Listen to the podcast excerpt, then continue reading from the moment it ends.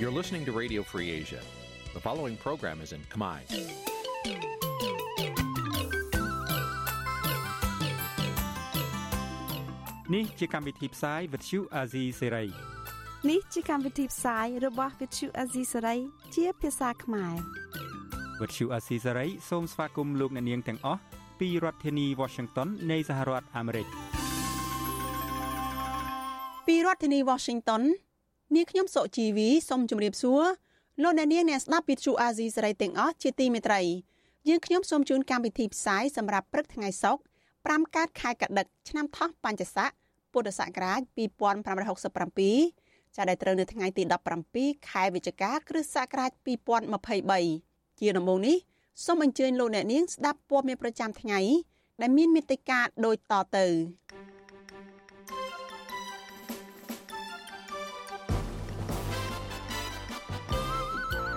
អ្នកជំនាញថាកម្ពុជាគួរទទួលយកឱកាសកសាងទំនាក់ទំនងល្អជាមួយសហរដ្ឋអាមេរិកឡើងវិញ។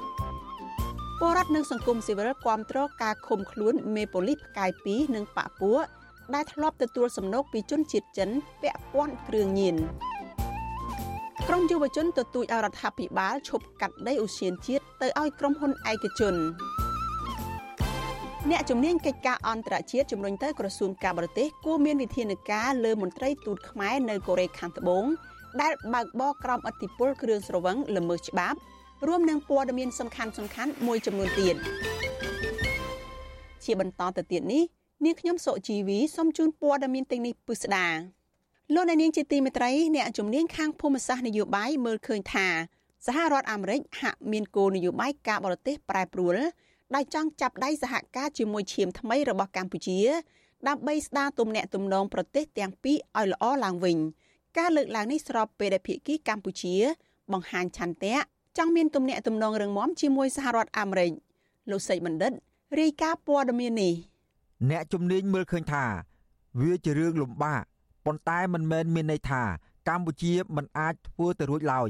ដើម្បីស្ដារទំនាក់ទំនងរឹងមាំជាមួយប្រទេសលោកខាងលិច ជាពិសេសជាមួយសហរដ្ឋអាមេរិកស្របពេលចិន កំពុងចាប់ក្រៀកកម្ពុជាឲ្យស្ថិតនៅក្នុងរបៀបវិរៈគោលនយោបាយការបរទេសរបស់ខ្លួននោះអ្នកជំនាញផ្នែកភូមិសាស្ត្រនយោបាយបណ្ឌិតរោវណ្ណៈប្រាប់បទសុអាស៊ីសេរី នៅថ្ងៃទី16វិច្ឆិកាថា ការប្រកាសរបស់មេដឹកនាំចិន ដើម្បីដឹកនាំបង្កើតឲ្យមានសហគមន៍ជួបវាសនារួមសកល និងការពឹងផ្អែកលើសេដ្ឋកិច្ចចិន ដើម្បីវិនិយោគលើហេដ្ឋារចនាសម្ព័ន្ធកំពុងរារាំងកម្ពុជាមិនឲ្យមានទំនាក់ទំនងជិតស្និទ្ធជាមួយនឹងបណ្ដាប្រទេសលោកខាងលិចប៉ុន្តែលោកថាការពឹងផ្អែកលើសេដ្ឋកិច្ចរបស់ចិនទាំងស្រុងมันអាចផ្ដល់លទ្ធភាពឲ្យកម្ពុជា អាចរស់បាននៅក្នុងពិភពលោក ដែលកំពុងចាក់ស្រេះប្រជែងអំណាច និងប្រឈមនឹងវិបត្តិសេដ្ឋកិច្ចនោះបានទេ ស្របពេលទីផ្សារអាមេរិកនិងអឺរ៉ុប កំពុងដើរតួនាទីសំខាន់បំផុតសម្រាប់ជំរុញកំណើនសេដ្ឋកិច្ចនិងផ្ដល់ការងារដល់ពលរដ្ឋកម្ពុជា លោកចង់ឲ្យរដ្ឋាភិបាលថ្មីឆក់ឱកាសស្ដារទំនាក់ទំនងល្អជាមួយសហរដ្ឋអាមេរិកឡើងវិញហាក់ដូចជាបាទមានការប្រែប្រួលខ្លះនៃនយោបាយការបរទេសរបស់អាមេរិកគឺមានន័យថាអាមេរិកចង់ចាប់ដៃសហការជាមួយនឹងឈាមថ្មី ចង់សហការជាមួយនឹងនាយករដ្ឋមន្ត្រីថ្មីដោយសារតែទីមួយយើងមើលឃើញថានាយករដ្ឋមន្ត្រីថ្មីក៏ធ្លាប់ទទួលបានការអប់រំនៅសហរដ្ឋអាមេរិកបាទកម្រិតបញ្ញាបត្រនិងអនុបណ្ឌិតធ្លាប់រស់នៅសហរដ្ឋអាមេរិកអាចយល់ដឹងពីបញ្ហាជាតៃសិទ្ធិមនុស្សខ្លះដែលអាមេរិកគាត់ហាក់ដូចជាយល់ឃើញថាអាចធ្វើការជាមួយនឹងនាយករដ្ឋមន្ត្រីថ្មីខ្មែរបាន ការលើកឡើងរបស់អ្នកជំនាញរូបនេះបន្ទាប់ពីក្រសួងការបរទេសនិងសហប្រតិបត្តិការអន្តរជាតិកម្ពុជា កាលពីថ្ងៃទី15វិច្ឆិកាបានចេញលិខិតថ្លែងអំណរគុណរដ្ឋមន្ត្រីក្រសួងការបរទេសអាមេរិកលោក Anthony Blinken ដែលចេញសារកាលពីថ្ងៃទី9វិច្ឆិកាអបអសាទរទិវាបុណ្យឯករាជ្យជាតិលើកទី70របស់កម្ពុជា នៅក្នុងលិខិតនោះក្រសួងការបរទេសកម្ពុជា បង្ហាញការបដិញ្ញាចិត្ត ដើម្បីធ្វើការឲ្យកាន់តែជិតស្និទ្ធកសាងទំនាក់ទំនងកាន់តែរឹងមាំរវាងប្រជាជននៃប្រទេសទាំងពីរដោយផ្អែកលើគោលការណ៍គោរពនិងយល់ពីគ្នាទៅវិញទៅមក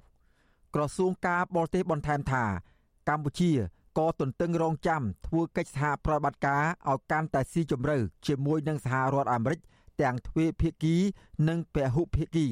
ដើម្បីរក្សាសន្តិភាព ស្ថិរភាព និងការអភិវឌ្ឍនៅក្នុងតំបន់និងពិភពលោកចំណែកនៅក្នុងលិខិតអបអសាទរបនឯករាជ្យជាតិកម្ពុជារដ្ឋមន្ត្រីការបរទេសសហរដ្ឋអាមេរិកលោក Anthony Blinken បញ្ជាក់ថាសហរដ្ឋអាមេរិកនឹងបន្តធ្វើការងារជាមួយនឹងរដ្ឋាភិបាលកម្ពុជា ដើម្បីជំរុញចក្ខុវិស័យរួមនៃតំបន់ Indo-Pacific ប្រកបដោយសុវត្ថិភាពវិបុលភាព ការបើកចំហ និងសេរីភាព លោកបន្តថា ប្រទេសទាំងពីរ នឹងបន្តកសាងទំនាក់ទំនងដ៏រឹងមាំរវាងប្រជាជន រួមទាំងតាមរយៈការផ្លាស់ប្តូរការអប់រំការគាំទ្រសម្រាប់ការអភិរក្សបេតិកភណ្ឌវប្បធម៌និងការបង្កើនទំនាក់ទំនងសេដ្ឋកិច្ចទំនាក់ទំនងរវាងកម្ពុជា និងសហរដ្ឋអាមេរិកបានធ្លាក់ចុះជាបន្តបន្ទាប់ចាប់តាំងពីការរំលាយគណៈបកសង្គ្រោះជាតិក្នុងឆ្នាំ2017ដោយអតីតនាយករដ្ឋមន្ត្រីលោកហ៊ុនសែនដែលរងការរិះគន់ពីសហគមន៍អន្តរជាតិថា បានដឹកនាំកម្ពុជាប្រឆាចពីគន្លងប្រជាធិបតេយ្យនិងរំលោភសិទ្ធិមនុស្សកាន់តែធ្ងន់ធ្ងរហើយបានងាកទៅពឹងពាក់ប្រទេសចិន ដើម្បីរក្សាអំណាច ជាពិសេសទំនាក់ទំនងរវាងប្រទេសទាំងពីរបានធ្លាក់ដុនដាបបន្ថែមទៀតក្រោយក្រមប្រទេសលោកខាងលិចរួមទាំងសហរដ្ឋអាមេរិកបង្ហាញការសង្ស័យកាន់តែខ្លាំងបន្ទាប់ពីមានរបាយការណ៍ផ្សព្វផ្សាយថាកម្ពុជាបានលួចចុះកិច្ចព្រមព្រៀងសម្ងាត់ អនុញ្ញាតឲ្យយោធាចិនប្រើប្រាស់មូលដ្ឋានទ័ពជើងទឹករៀមរបស់ខ្លួនស្ថិតនៅក្នុងខេត្តប្រសេះនោះជុំវិញបញ្ហានេះវិទ្យុអាស៊ីសេរីនៅពុំទាន់អាចសុំការបកស្រាយពីប្រធានអង្គភិបអ្នកណែនាំពាក្យរដ្ឋាភិបាលលោកប៉ែនបូណានិងអ្នកនាំពាក្យក្រសួងការបរទេសលោកអានសុខឿនបានទេ នៅថ្ងៃទី16ខែវិច្ឆិកាទោះជាយ៉ាងណាក៏ដោយកន្លងមកមន្ត្រីរដ្ឋាភិបាលកម្ពុជា តែងតែបដិសេធ ថាខ្លួនមិនបានលំអៀងខ្លាំងទៅរកប្រទេសណាមួយនោះឡើយចំណែកមន្ត្រីគណៈបកភ្លើងទៀនដែលកំពុងភៀសខ្លួននៅប្រទេសថៃ លោកលីមេងយល់ឃើញថា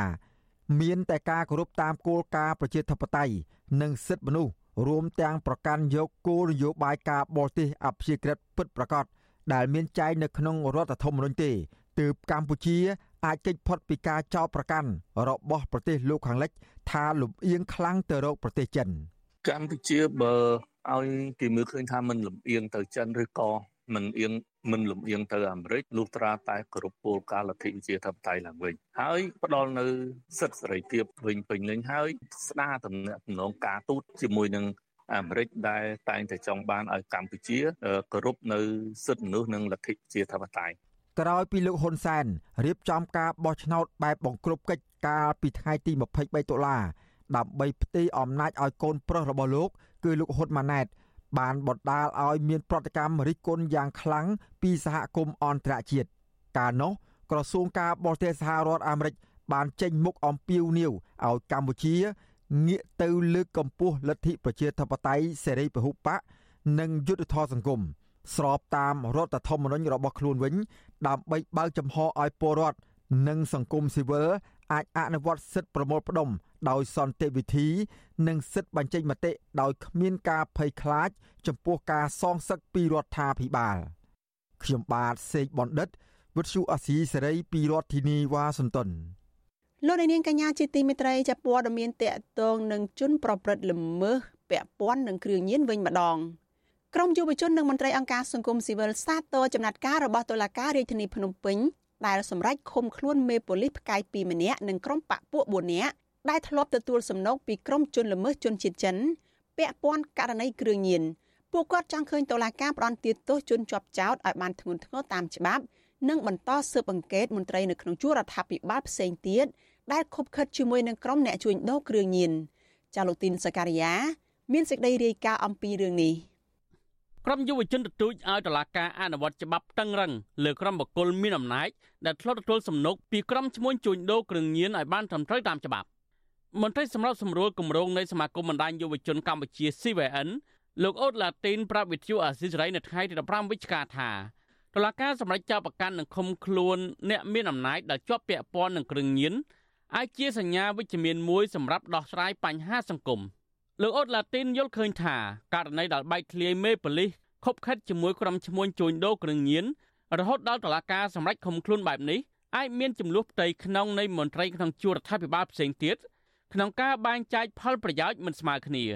ហើយខ្ញុំក៏មិនចង់ឃើញការសម្រេចតែមួយករណីនេះទេខ្ញុំចង់ឃើញករណីផ្សេងផ្សេងទៀតសូមឲ្យធ្វើការស្រាវជ្រាវបែបនេះពើនិតនភាពនៅក្នុងសង្គមបន្តកើតមានហើយមូលហេតុដែលមានការបង្ក្រាបអត់ចេះអស់អញ្ចឹងដោយសារតែវាមានការជួបពាក្យពន្ធគ្នាជាប្រព័ន្ធអាចមានការប្រព្រឹត្តអំពើពុករលួយអាចជាបកពួកនិយមនៅក្នុងក្រមនឹងអញ្ចឹងនៅពេលដែលមានមន្ត្រីធំធំដែលនៅពីក្រោយក្នុងការជួយការចរាចរណ៍គ្រឿងញៀននៅក្នុងប្រទេសកម្ពុជាអានឹងហើយគឺជាបញ្ហាដែលពិបាកបំផុតនៅក្នុងការធ្វើការដោះស្រាយនឹងអានឹងហើយគឺជាបញ្ហាដែលធ្វើឲ្យគ្រឿងញៀនទោះបីជាចាប់យ៉ាងម៉េចក៏ចាប់មិនអស់ការលើកឡើងរបស់យុវជនបែបនេះធ្វើឡើងបន្ទាប់ពីចៅក្រមស៊ើបសួរសាលាដំបងរាជធានីភ្នំពេញនៅស្រីសឿនចារិយា បានសម្រេចឃុំខ្លួនឧត្តមស្នេហ៍តូផ្កាយ2ដែលមានទួនាទីជាអនុប្រធានមន្ត្រីប្រឆាំងបទល្មើសគ្រឿងញៀនគឺលោកវ៉ាន់កុសលនិងបកពួក4នាក់ផ្សេងទៀតកាលពីថ្ងៃទី13វិច្ឆិកាហើយការសម្រេចនេះក្រមបាត់ចោលប្រកាន់ចាប់ចម្រិតនិងបង្ខាំងដែលខុសច្បាប់មានស្ថានទងន់ទោស ទាក់ទងនឹងបញ្ហានេះអ្នកនាំពាក្យអាយកាអមស្រុកដំបងរាជធានីភ្នំពេញលោកប្លង់សុផលឲ្យកសែតក្នុងស្រុកដឹងថាកាលពីអំឡុងពាក់កណ្ដាលខែតុលាជនជាប់ចោតទាំង5នាក់បានចេញធ្វើសកម្មភាពខាត់រថយន្តនិងចាប់ខ្លួនជនជាតិចិនសរុប9នាក់នៅទីតាំងចំនួន3ផ្សេងគ្នាក្នុងរាជធានីភ្នំពេញដើម្បីត្រួតពិនិត្យរកសារធាតុគ្រឿងញៀនលោកឲ្យដឹងថាជនជាប់ចោតវ៉ាន់កុសល និងបកពួក4នាក់ផ្សេងទៀតបានចម្រិតទារប្រាក់ពីជនជាតិចិនទាំងនោះ បានជិត60000ដុល្លារដើម្បីជាថ្នូរនឹងការដោះលែងក្រុមជនជាតិចិនឲ្យមានសេរីភាពវិញបើទោះបីជាពួកគេរកឃើញវត្ថុតាងគ្រឿងញៀនរបស់ជនជាតិចិនទាំងនោះក៏ដោយតើតើនឹងបញ្ហានេះអ្នកនាំពាក្យក្រសួងមហាផ្ទៃលោកទូចសុខៈប្រាប់វិទ្យុអាស៊ីសេរីថាករណីនេះកំពុងតែស្ថិតនៅក្នុងដែនសមត្ថកិច្ចរបស់តុលាការដើម្បីបន្តការស៊ើបអង្កេត លោកអះអាងថាការលើកឡើងរបស់ពលរដ្ឋដែលថាមន្ត្រីនៅក្នុងជួររដ្ឋាភិបាលជាប់ពាក់ព័ន្ធនឹងករណីគ្រឿងញៀននេះមិនមែនស្ថិតនៅគ្រប់ស្ថាប័ននោះទេលោកជឿជាក់ថាតឡាកានឹងផ្ដន្ទាទោសចំពោះជនណាដែលប្រព្រឹត្តបទល្មើស ខ្ញុំគិតថាវាមិនមែនគ្រប់តែករណីសិតតែយកខ្សែយកខ្នងឬក៏ខ្សែខ្នងនេះចូលទៅការពារចូលទៅពាំងចំពោះបុគ្គលដែលតែប្រព្រឹត្តបទល្មើសទេពីព្រោះវាគឺជាដំណាក់កាលមួយដែលចាប់ដើមកែតម្រង់វះកាត់អ្វីដែលជាការប្រព្រឹត្តខុសនឹងច្បាប់ទៅនឹងច្បាប់ខុសហើយជាដើមបាទរីឯអ្នកនាំពាក្យសមាគមការពារសិទ្ធិមនុស្សអាត6លោកសឹងសានករណាមានប្រសាសន៍ថាប្រសិនបើស្ថាប័នពាក់ព័ន្ធ ខាត់ខ្លួនត្រឹមតែមន្ត្រីមេប៉ូលីសផ្កាយ2និងបកពួក4នាក់ប្រជាពលរដ្ឋនឹងគ្មានជំនឿលើប្រព័ន្ធច្បាប់និងមិនអាចលៀងជំរះមន្ទិលសង្ស័យរបស់មហាជនបានទេលើសពីនេះទៀតលោកព្រឿបារម្ភចំពោះការអនុវត្តច្បាប់របស់តុលាការលើជនល្មើសគ្មានប្រសិទ្ធភាពដែលនាំឲ្យក្រុមជនល្មើសមិនខ្លាចញញើតច្បាប់នោះឡើយហើយក៏ជំរុញឲ្យមន្ត្រីមួយចំនួនបន្តប្រើប្រាស់ទូនាទីប្រព្រឹត្តអំពើខុសច្បាប់ដដែល។ យើងមើលមួយផ្លែតវាជាភាពវិជ្ជមានហើយសមត្ថកិច្ចពាក់ព័ន្ធបានអនុវត្តច្បាប់ទៅលើពលដែលបានប្រព្រឹត្តប៉ុន្តែអ្វីដែលជារឿងធ្វើឡើងដោយមិនបានអនុវត្តទោសទណ្ឌឲ្យត្រឹមត្រូវតាមតែវិធីអានឹងជាការលើកទឹកចិត្តឲ្យជនប្រព្រឹត្តនឹងលែងខ្លាចរអាច្បាប់ដោយសារខ្លួនមានលុយមានអំណាចមានអធិបុលនឹងអាចរស់ក្រៅសំណាញ់ច្បាប់ដោយស្រួលអញ្ចឹងទៅអ្នកដែលប្រព្រឹត្តបទល្មើសទាំងអស់ហ្នឹងគាត់លែងមានការគ្រប់ច្បាប់លែងមានការភ័យខ្លាចអីទាំងអស់ហើយ ពាក់ព័ន្ធនឹងករណីអាញាធរជាប់ពាក់ព័ន្ធនឹងគ្រឿងញៀននេះកាលពីចុងខែតុលាកន្លងទៅសមត្ថកិច្ចខេត្តប្រស័យហនុក៏បានឃាត់ខ្លួនមេបញ្ជាការ PM ស្រុកភ្នំស្រួយខេត្តកំពង់ស្ពឺម្នាក់និងបាក់ពួកជាមន្ត្រីកោរីអាវុធហត្ថចំនួន5នាក់ពាក់ព័ន្ធនឹងករណីជួញដូរគ្រឿងញៀនដោយឡែកកាលពីដើមខែវិច្ឆិកាស្នងការដ្ឋាននគរបាលខេត្តព្រៃវែងធ្វើតេស្តរកឃើញមន្ត្រីសមត្ថកិច្ច11នាក់ប្រើប្រាស់គ្រឿងញៀន ចំណាត់ការបង្ក្រាបមន្ត្រីដែលពាក់ព័ន្ធនឹងគ្រឿងញៀនបែបនេះបន្ទាប់ពីរដ្ឋមន្ត្រីក្រសួងមហាផ្ទៃលោកសសុខាកាលពីចុងខែកញ្ញាបានដាក់បញ្ជាដល់អង្គភាពជាតិនិងថ្នាក់ក្រមជាតិរឹតបន្តឹងបណ្ដាញគ្រឿងញៀននិងប្រមានបណ្ដេញកងកម្លាំងប្រដាប់អាវុធណាដែលជាប់ពាក់ព័ន្ធនឹងការប្រើប្រាស់និងជួញដូរគ្រឿងញៀនចេញពីក្របខ័ណ្ឌរដ្ឋថែមទៀតផងខ្ញុំបាទធីនសាការីយ៉ាអស៊ីសេរីប្រធានាធិបតី Washington លោកអ្នកនាងកញ្ញាប្រិយមិត្តអ្នកស្ដាប់វិទ្យុអាស៊ីសេរីជាទីមេត្រី ព័ត៌មានជាបន្តទៅទៀតនេះតកតងនឹងស្ថានភាព6ឆ្នាំនៅក្រៅការរំលាយគណៈបកសង្គ្រោះជាតិ6ឆ្នាំនៅក្រៅការរំលាយគណៈបកសង្គ្រោះជាតិមេដឹកនាំគណៈបកនេះនៅតែបន្តទៀមទានិងតស៊ូមតិលើឆាកអន្តរជាតិស្នើទៅរដ្ឋាភិបាលកម្ពុជាឲ្យស្ដារសិទ្ធិមនុស្សនិងប្រជាធិបតេយ្យឡើងវិញអ្នកខ្លំមើលនយោបាយជំរុញទៅរដ្ឋាភិបាលថាគួរដោះស្រាយចំនួននយោបាយនេះដើម្បីឲ្យកម្ពុជា រួចផុតពីការដាក់ទណ្ឌកម្មរបស់ក្រមប្រទេសលោកសេរីលោកសេកបណ្ឌិត មានសេចក្តីរាយការណ៍មួយទៀតជូនលោកអ្នកនាងអំពីរឿងនេះដូចតទៅគិតត្រឹមថ្ងៃទី16វិច្ឆិកាឆ្នាំ2023គឺជាខួប6ឆ្នាំគត់ដែលតុលាការកំពូលក្រោមឥទ្ធិពលរបស់គណៈបកប្រជាជនកម្ពុជា បានរំលាយគណៈបកសង្គ្រោះជាតិចំណែកអ្នកនយោបាយប្រឆាំងក៏ត្រូវបានអាជ្ញាធរចាប់ខ្លួន និងធ្វើទុកបុកម្នេញជាបន្តបន្ទាប់រហូតមកដល់ពេលនេះ មេដឹកនាំគណៈបកសង្គ្រោះជាតិនិងអ្នកខ្លំមើលនយោបាយនៅតែទៀមទាទៅរដ្ឋាភិបាលឲ្យទទួលខុសត្រូវចំពោះទង្វើបំផ្លាញប្រជាធិបតេយ្យនិងសិទ្ធិមនុស្សក្រោយការរំលាយគណៈបកសង្គ្រោះជាតិដែលមានអ្នកគាំទ្រជាង3លាននាក់អនុប្រធានគណៈបកសង្គ្រោះជាតិលោកអេងឆៃអៀងលើកឡើងថាថ្ងៃទី16ខែវិច្ឆិកាគឺជាថ្ងៃដែលរដ្ឋាភិបាលសម្លាប់ប្រជាធិបតេយ្យនៅកម្ពុជា លោកបន្តថាថ្នាក់ដឹកនាំគណៈបកសង្គ្រោះជាតិនៅតែប្រយុទ្ធតវ៉ាទាមទារដោយសន្តិវិធី ដើម្បីឲ្យស្ថានភាពនយោបាយវិលមកដូចកាលពីមុនការរំលាយគណៈបកសង្គ្រោះជាតិដោយឡែកចំពោះថ្ងៃខួប6ឆ្នាំ នៃការរំលេចគណៈបកសង្គ្រោះជាតិនេះអនុប្រធានគណៈបកនេះប្រាប់ថាគណៈបកសង្គ្រោះជាតិមិនបានធ្វើអ្វីបន្ថែមពីលើការទៀមទារបស់ខ្លួន ដែលបានធ្វើនាពេលកន្លងមកនោះទេពេល បើយើងធ្វើការជាប្រចាំយើងធ្វើការដោយការងាររបស់យើងយើងធ្វើការកិច្ចការការទូតជាមួយបណ្ដាប្រទេសជាមិត្តយើងមិនមែនចាំធ្វើថ្ងៃ16ទេគឺយើងធ្វើរហូតធ្វើរហូតបាទបាទថ្ងៃ16ក៏ជាថ្ងៃដែលយើងត្រូវចងចាំថាជាថ្ងៃដែលរបបលោកហ៊ុនសែននឹងបានសម្លាប់ប្រជាធិបតេយ្យនៅកម្ពុជានឹងជាថ្ងៃដែលយើងត្រូវចងចាំក្រោយពេលតុលាការកំពូលដែលមានសមាជិកភាពចៅក្រមព្រះរាជអាជ្ញា ជាមន្ត្រីគណៈបកកណ្ដាលអំណាចកាត់ក្តីរំលាយគណៈបកសង្គ្រោះជាតិកាលពីថ្ងៃទី16ខែវិច្ឆិកា ឆ្នាំ2017ប្រធានគណៈបកនេះគឺលោកកំសុខាត្រូវជាប់ឃុំ ចំណែកមន្ត្រីគណៈបកនេះប្រឈមការធ្វើទុកបុកម្នេញតាមផ្លូវតុលាការក្រុមអ្នកនយោបាយគណៈបកនេះអ្នកខ្លះជាប់ពន្ធនាគារអ្នកខ្លះទៀតក៏រត់ភៀសខ្លួនចេញពីប្រទេសកម្ពុជា ដើម្បីគេចចេញពីការធ្វើទុកបុកម្នេញ មន្ត្រីជាន់ខ្ពស់គណៈបកសង្គ្រោះជាតិប្រចាំនៅខេត្តកំពង់ឆ្នាំងលោកដួងចន្ទ្រាដែលកំពុងភៀសខ្លួននៅក្នុងប្រទេសថៃប្រាប់បទសុអសីសេរីថាលោកទ្រាំរស់នៅលំបាកនៅប្រទេសថៃបែកបាក់ក្រុមគ្រួសារព្រោះមិនចង់លក់មនសិការឲ្យទៅគណៈបកកាន់អំណាចបើទោះជាកំពុងប្រឈមនឹងបញ្ហាជីវភាពបែបណាក្តីមន្ត្រីគណៈបកប្រឆាំងរូបនេះអះអាងថាលោកនៅតែតស៊ូមតិដើម្បីទាមទារឲ្យមានការការពារសិទ្ធិសេរីភាព និងប្រជាធិបតេយ្យឡើងវិញមកដល់ពេលនេះយើងជួបការលំបាកគឺយើងខ្វះខាតជាភាពជាធនធ្ងរតែម្ដងដោយសារជីវភាពនេះគឺវាប៉ះពាល់ទៅលើការបង់ថ្លៃបន្ទប់ស្នាក់នៅការហូបចុកជាប្រចាំនេះគឺខ្វះខាតជាទម្ងន់ដោយសារនៅតាមបណ្ដាអង្គការនានាមកដល់ពេលនេះហាក់ដូចជាអង្គការមួយចំនួនត្រូវបានបិទទ្វារមិនអាចឲ្យផ្ដល់អាហារសម្រាប់យើងគ្រប់គ្រាន់បាទតកតទៅនឹងបញ្ហាដែលបង្កឡើងដោយវិបត្តិនយោបាយនេះ វិទ្យុអាស៊ីសេរីនៅពុំទាន់អាចសុំការបកស្រាយពីអ្នកនាំពាក្យគណៈបកប្រជាជនកម្ពុជាលោកសុកអេសាន និងប្រធានអង្គភិបអ្នកណែនាំពីរដ្ឋាភិបាលលោកប៉ែនបូណាបានទេ នៅថ្ងៃទី16វិច្ឆិកាអ្នកសិក្សាផ្នែកច្បាប់លោកវ៉ុនចាន់ឡូតសង្កេតឃើញថាបើទោះជាគណៈបកសង្គ្រោះជាតិមិនអាចធ្វើសកម្មភាពនយោបាយនៅក្នុងរយៈពេល6ឆ្នាំមកនេះក្តីប៉ុន្តែមេដឹកនាំគណៈបកនេះគឺលោកសំរាំងស៊ីនៅតែធ្វើសកម្មភាពតស៊ូមតិនៅលើឆាកអន្តរជាតិ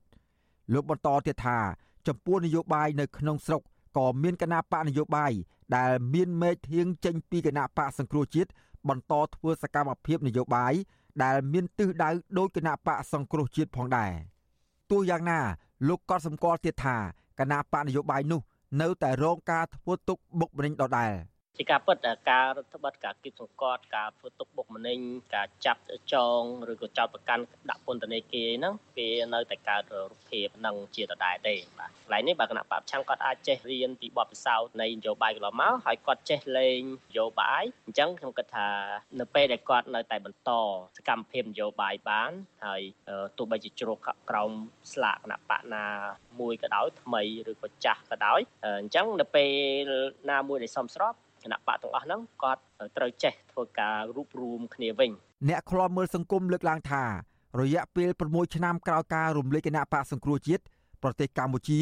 ជួបវិបត្តិនយោបាយវិបត្តិសេដ្ឋកិច្ចនឹងការដាក់ទណ្ឌកម្មពីក្រមប្រទេសលោកសេរីខណៈសហរដ្ឋអាមេរិកមិនទាន់ផ្ដល់ប្រព័ន្ធអនុគ្រោះពន្ធ GSP មកកម្ពុជាវិញ ចំណែកសហភាពអឺរ៉ុបក៏មិនទាន់ផ្ដល់ប្រព័ន្ធអនុគ្រោះពន្ធ EBA ពេញលេញមកកម្ពុជាវិញដែរ អ្នកសិក្សាផ្នែកច្បាប់លោកវ៉ាន់ចាន់ឡូតយល់ថារដ្ឋាភិបាលមិនគួរបណ្តែតបណ្តោយឲ្យវិបត្តិនយោបាយនេះអូសបន្លាយតទៅទៀតទេព្រោះបើប្រទេសលោកសេរីដាក់ទណ្ឌកម្មអ្វីបន្ថែមមកលើរដ្ឋាភិបាលទៀតអ្នកដែលរងគ្រោះគឺរដ្ឋាភិបាលនិងពលរដ្ឋខ្ញុំបាទសេកបណ្ឌិតវិទ្យុអាស៊ីសេរីពីរដ្ឋធានីវ៉ាស៊ីនតោន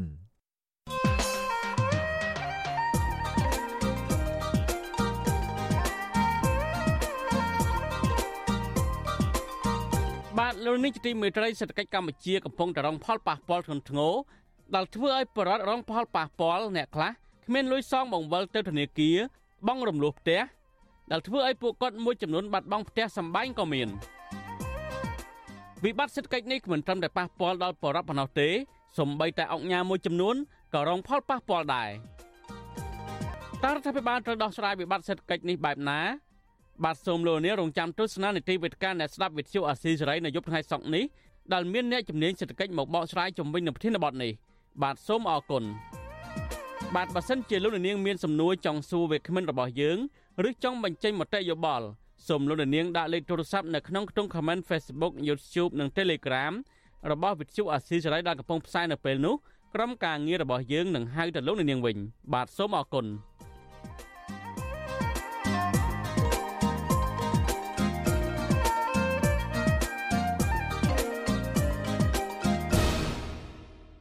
លោកអ្នកនាងជាទីមេត្រីលោកអ្នកកំពុងស្ដាប់វិទ្យុអាស៊ីសេរីផ្សាយចេញពីរដ្ឋធានី Washington សហរដ្ឋអាមេរិកចាក្រមយុវជនចលនាមេដាធម្មជាតិបានផ្សាយវីដេអូថ្មីមួយស្នើឲ្យរដ្ឋាភិបាលបញ្ឈប់កាត់ជ្រឿដីឧស្សាហជាតិនៅក្នុងប្រទេសកម្ពុជា ទៅឲ្យក្រុមហ៊ុនឯកជន សំណើនេះធ្វើឡើងក្រោយពេលរដ្ឋាភិបាលបានកាត់ជ្រឿដីឧស្សាហជាតិកែបដែលសម្បូរដោយព្រៃក្រាស់ខ្មឹកទំហំ29ហិកតាបន្ថែមទៀតទៅឲ្យក្រុមហ៊ុនឯកជនអភិវឌ្ឍ ចាលោកទីនសការីយ៉ាមានសេចក្តីរាយការណ៍ដាច់ដោយឡែកមួយទៀតអំពីរឿងនេះក្រមយុវជនស្រឡាញ់បរិស្ថានចាត់ទុកការផ្ដល់សិទ្ធិអភិវឌ្ឍក្នុងតំបន់ឧទ្យានជាតិឲ្យទៅក្រុមហ៊ុនឯកជនគឺជាកំហុសដ៏ធំរបស់រដ្ឋាភិបាលដែលធ្វើឲ្យបំផ្លាញសម្បត្តិធម្មជាតិដោយមិនខ្វល់ពីការរិះគន់និងការសំណុំពរទាំងឡាយរបស់ពលរដ្ឋដែលចង់រក្សាទុកតំបន់ឧទ្យានជាតិឲ្យបានគង់វង្សនោះ សកម្មជនចលនាមេដាធម្មជាតិកាលពីថ្ងៃទី15វិច្ឆិកាបានចេញផ្សាយវីដេអូជាង3នាទីរៀបរាប់ពីតំបន់អភិរក្សមួយចំនួនដែលរដ្ឋាភិបាលបានកាត់ជ្រៀលវិនិយោគឲ្យទៅក្រុមហ៊ុនឯកជនរួមមានឧទ្យានជាតិគិរីរំដែនចម្រុះសត្វព្រៃកៅសីមានិងដែនចម្រុះសត្វព្រៃភ្នំអូរ៉ាល់ហើយចុងក្រោយនេះបន្តកាត់ជ្រៀលឧទ្យានជាតិកែបទំហំ29ហិកតាបន្ថែមទៀតក្នុងចំណោមផ្ទៃដីសរុបទំហំ5000ហិកតា ឲ្យទៅក្រុមហ៊ុនវ៉ាន់ម័ររបស់អង្គការជឹងសុគន្ធធារីក្រុមយុវជនអះអាងថាក្នុងឆ្នាំ2022ម្ចាស់កម្មសិទ្ធិក្រុមហ៊ុននេះអ្នកស្រីជឹងសុគន្ធធារីទទួលបានដីព្រៃអភិរក្សចំនួន4តំបន់ផ្សេងផ្សេងគ្នា ជាកន្លែងដែលសម្បូរធនធានធម្មជាតិដែលការពារដោយព្រះរាជក្រឹត្យមានផ្ទៃដីសរុបជិត1000ហិកតា សមាជិកក្រុមចលនាមេដាធម្មជាតិកញ្ញាធួនស្រីពៅដែលបានចុះស្រាវជ្រាវរឿងនេះចោទសួរក្នុងវីដេអូនោះថា តើមានមូលហេតុអ្វីខ្លះនៅពីក្រោយក្រុមហ៊ុននេះទើបអង្គញាជឹងសុគន្ធធារីទទួលបានដីព្រៃអភិរក្សដ៏ច្រើនសន្ធឹកសន្ធាប់បែបនេះកញ្ញាអះអាងថាក្រមយុវជននឹងបន្តនិយាយពីបញ្ហាទាំងអស់នេះរហូតទាល់តែរដ្ឋាភិបាលដោះស្រាយទោះបីជាមានការឆ្លើយតបមិនទទួលខុសត្រូវពីសំណាក់ក្រសួងនិងជាការចោទប្រកាន់មកលើពួកយើងយ៉ាងណាក៏ដោយទៅទៅវិញបែរជាមានការចែងសេចក្តីប្រកាសព័ត៌មានរបស់ក្រសួងបរិស្ថានដែលបានលើកឡើងថា រាល់សកម្មភាពនិយាយពីបញ្ហាធនធានធម្មជាតិគឺជារឿងដែលប្រឆាំងនឹងច្បាប់ហើយយុវជនដែលចូលរួមសកម្មភាពជាមួយពួកយើងគឺត្រូវទទួលខុសត្រូវចំពោះមុខច្បាប់ពួកយើងជាប្រជាពលរដ្ឋដែលបានចូលរួមយ៉ាងសកម្មក្នុងការបងពុនជូនរដ្ឋដូច្នេះរដ្ឋត្រូវធ្វើការដោះស្រាយមិនមែនលើកឡើងថាសកម្មភាពទាំងនេះជារឿងដែលខុសច្បាប់នោះទេ សកម្មជនចលនាមេដាធម្មជាតិប្រកាសពហិការមិនប្រើប្រាស់ផលិតផលទាំងអស់របស់ក្រុមហ៊ុន One More រួមមានទឹកសុទ្ធវីតាល់ និងមីជាតិសុបមន់ជាដើមដរាបណាក្រុមហ៊ុននេះមិនត្រូវបានរដ្ឋាភិបាលដកសិទ្ធិអភិវឌ្ឍសម្បត្តិធនធានធម្មជាតិវិញទេនោះ ការពហិការនេះមានន័យថាក្រុមយុវជនមិនចង់ផ្ដល់ប្រាក់ចំណូលដល់បុគ្គលណា និងក្រុមហ៊ុនណាមួយដែលបំផ្លាញធនធានធម្មជាតិនិងចម្រោកសត្វព្រៃនៅកម្ពុជានោះឡើយក្រៅពីក្រមយុវជនពហិការនេះក្រមយុវជនក៏អំពាវនាវឲ្យបរដ្ឋទាំងអស់ពហិការប្រើផលិតផលរបស់ក្រុមហ៊ុននេះដែរ កញ្ញាធួនសេរីពៅប្រាប់វិទ្យុអាស៊ីសេរីថាដីព្រៃក្នុងតំបន់ឧទ្យានជាតិគឺជាទ្រព្យសម្បត្តិរបស់ប្រជារដ្ឋខ្មែរទាំងអស់និងជាកេរមរតកដូនតា មិនគួរមានការទិញលក់ដូរតាមអំពើចិត្តទៅឲ្យបុគ្គលដែលមានរឿងអាស្រូវបំផ្លាញធនធានធម្មជាតិនោះទេ មើលឃើញថាសកម្មភាពដែលគាត់កំពុងធ្វើគឺវាខុសមែនទែនដែលយកសម្បត្តិធនធានធម្មជាតិរបស់ដូនតាខ្មែរសម្បត្តិធនធានធម្មជាតិរបស់ប្រជារដ្ឋខ្មែរទាំងអស់ទៅដេញទិញដូរដោះជួលលក់យ៉ាងអនាធិបតេយ្យហាក់បីដូចជាអត់ខ្វល់ពីប្រជាពលរដ្ឋណាក់បន្តិចវិទ្យុអសិរ័យមិនអាចសុំការបកស្រាយព្រឹងនេះពីរដ្ឋមន្ត្រីក្រសួងបរិស្ថានលោកអៀងសុផល្លែតនិងអ្នកនាំពាក្យនាយករដ្ឋមន្ត្រីលោកមាសសុភ័ណ្ឌដើម្បីសំសួរអំពីបញ្ហានេះបន្ថែមបានទេនៅថ្ងៃទី16វិច្ឆិកា រីឯម្ចាស់ក្រុមហ៊ុនវ៉ាន់ម័រនៅស្រីជឹងសុគន្ធធារីក៏មិនអាចតាក់ទងសុំបំភ្លឺបានដែរនៅថ្ងៃដដែលនេះជំវិញនឹងរឿងនេះមន្ត្រីពង្រឹងសិទ្ធិអំណាចសហគមន៍មូលដ្ឋាននៃសមាគមការពារសិទ្ធិមនុស្សអាតហុកលោកប៉ែនបូណាយល់ឃើញថាការលើកឡើងរបស់ក្រុមយុវជនជារឿងត្រឹមត្រូវតាមរដ្ឋធម្មនុញ្ញហើយរដ្ឋាភិបាល គួរតែពិនិត្យពិចារណានិងដោះស្រាយឲ្យបានត្រឹមត្រូវជាពិសេសត្រូវផ្អាកការវិនិយោគដីព្រៃក្នុងតំបន់អភិរក្សទាំងអស់ ដើម្បីស្ដារធនធានធម្មជាតិឡើងវិញបនទុនធានធម្មជាតិព្រៃឈើវាជាទ្រព្យសម្បត្តិសាធារណៈបរិវត្តដែលកូនខ្មែរទាំងអស់ត្រូវតែតាមដានឃ្លាំមើលហើយនឹងប្រតិកម្មនៅពេលដែលមានការបាត់បង់ច្រើនតែវាធ្វើឲ្យប៉ះពាល់ដល់មបែអំពូលអាកាសធាតុអីជាដើមនឹងមានការបាត់បង់ច្រើនហើយកន្លងមកបាទអញ្ចឹងយើងទៀមទីឲ្យមានការពៀនស្លាវជាវលើតំបន់ព្រៃឈើឬក៏បនទុនធាតុផ្សេងៗទៀតអូឈានជាតិកែប បានចុះបញ្ជីជាតំបន់អភិរក្សដោយព្រះរាជក្រឹត្យរបស់ព្រះបាទសម្ដេចព្រះនរោត្តមសីហនុព្រះបរមរតនកោដ្ឋកាលពីឆ្នាំ1593មានផ្ទៃដីសរុប5000ហិកតាអូឈានជាតិនេះនៅជាប់មាត់សមុទ្រជាតំបន់សម្បូរធនធានធម្មជាតិចម្រុះសត្វព្រៃបាក់សាបាក់សីជីវសាស្ត្រចម្រុះសមុទ្រនិងសភនភាពឆ្លោះបំប្រងដែលតាក់ទាញភ្ញៀវទេសចរហើយទាញប្រយោជន៍ពីភ្ញៀវទេសចរក្នុងតំបន់នេះ ហុំព័ទ្ធដោយព្រៃភ្នំខ្ពង់រាបតាក់ទាញភ្ញៀវទេសចរនិងបំរើវិស័យទេសចរក្នុងតំបន់ដែលហុំព័ទ្ធដោយព្រៃភ្នំខ្ពង់រាបខ្ញុំបាទធីនសាការីយ៉ាអស៊ីសេរីប្រធានាធិបតី Washington លោកអ្នកនាងកញ្ញាជាទីមេត្រីចាព័ត៌មានជាបន្តទៅទៀតនេះតកតងនឹងករណីក្រុមហ៊ុនដែលសាងសង់បុរីរឹបអូសផ្ទះពលរដ្ឋអតិថិជនដែលក្រុមហ៊ុនបុរីកំពុងរឹបអូសផ្ទះបានទទូចរដ្ឋាភិបាលជួយអន្តរាគមន៍ចំពោះករណីនេះ ហើយសង្គមស៊ីវិលក៏ជំរុញឲ្យភាគីពាក់ព័ន្ធរកដំណោះស្រាយដោយសន្តិវិធី ជាជាងប្រើវិធានការដាក់សម្ពាធលើអតិថិជន ចាកញ្ញាខណ្ឌលក្ខណារាយការណ៍ព័ត៌មាននេះ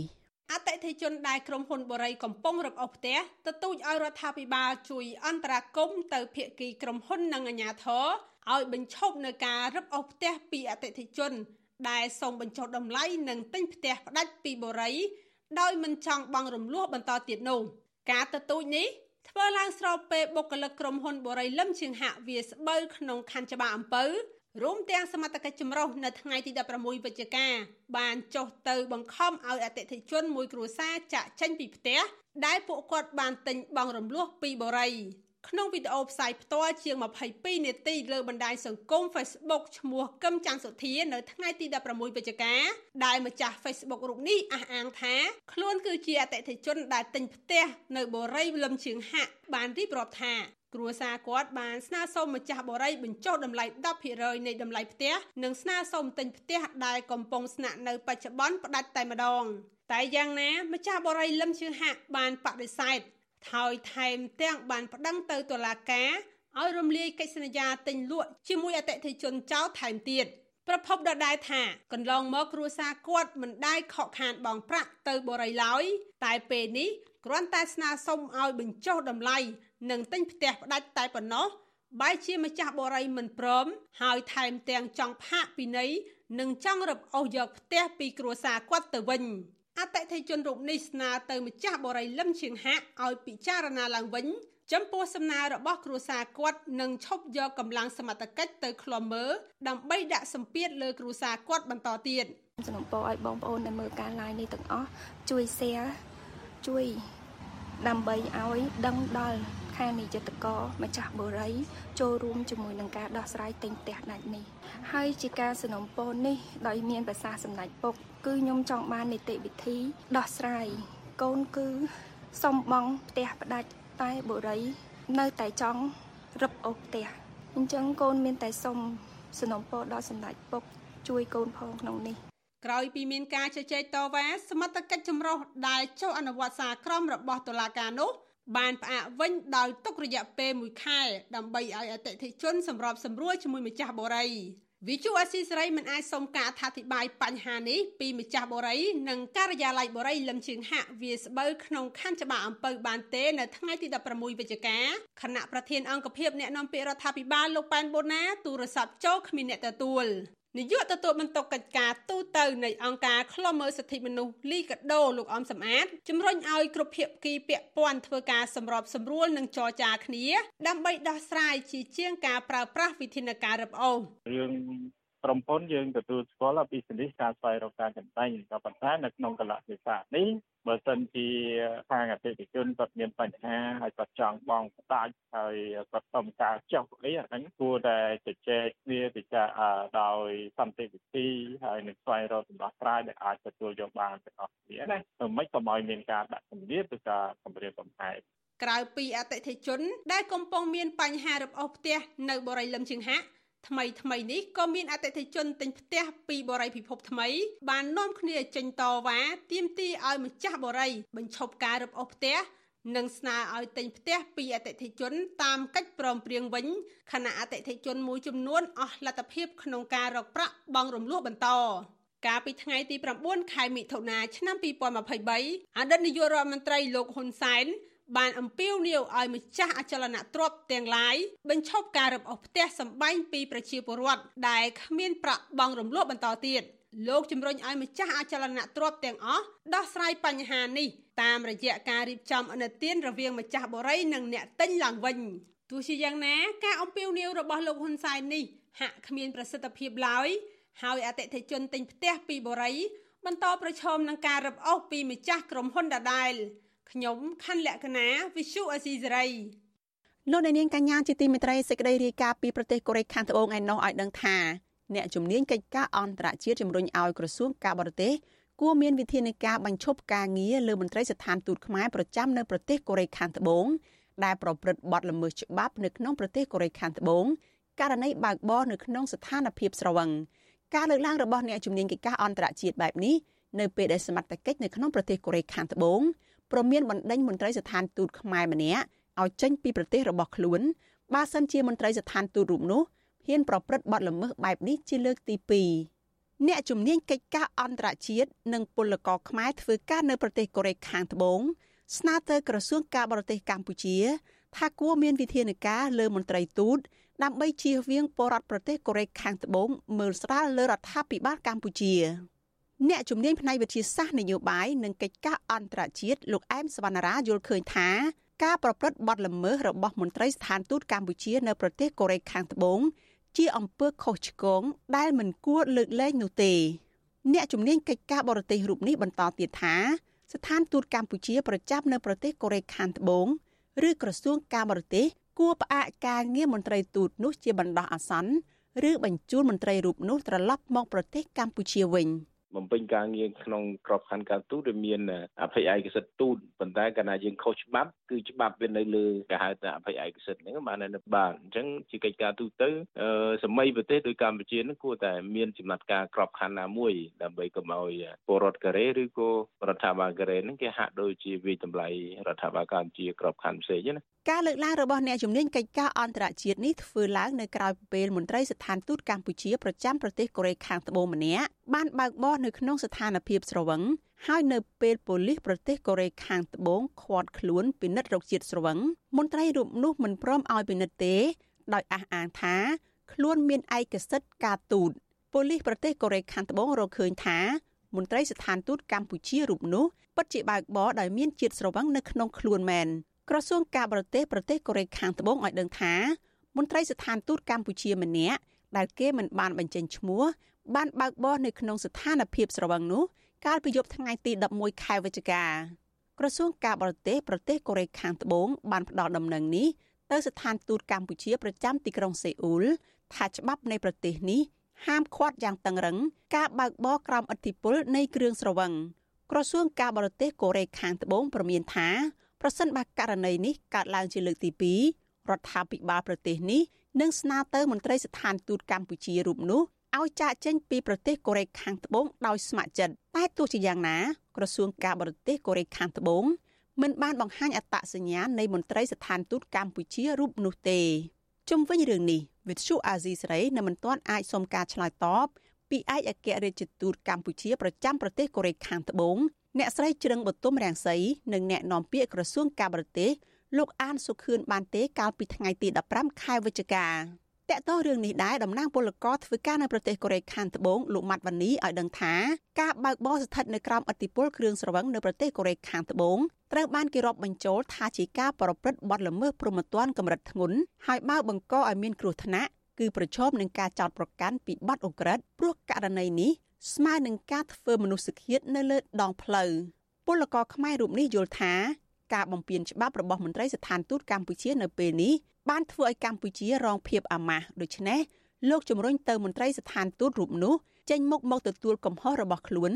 ឬសុំទោសនៅទង្វើរបស់ខ្លួនជាបន្ទាន់យកមនុស្សដែលមានក្រមសីលធម៌ពិតប្រាកដមានវិជ្ជាជីវៈមកធ្វើការនៅក្នុងប្រទេសកូរ៉េព្រោះប្រទេសកូរ៉េជាប្រទេសនីតិរដ្ឋរឹងមាំពេញលេញគេមិនមែនឲ្យមន្ត្រីរបៀបនឹងមកធ្វើការអញ្ចឹងវាអាប់អោនដល់កិត្តិយសហើយធ្វើឲ្យខូចខាតទំនាក់ទំនងរវាងកម្ពុជាកូរ៉េទេហ្នឹង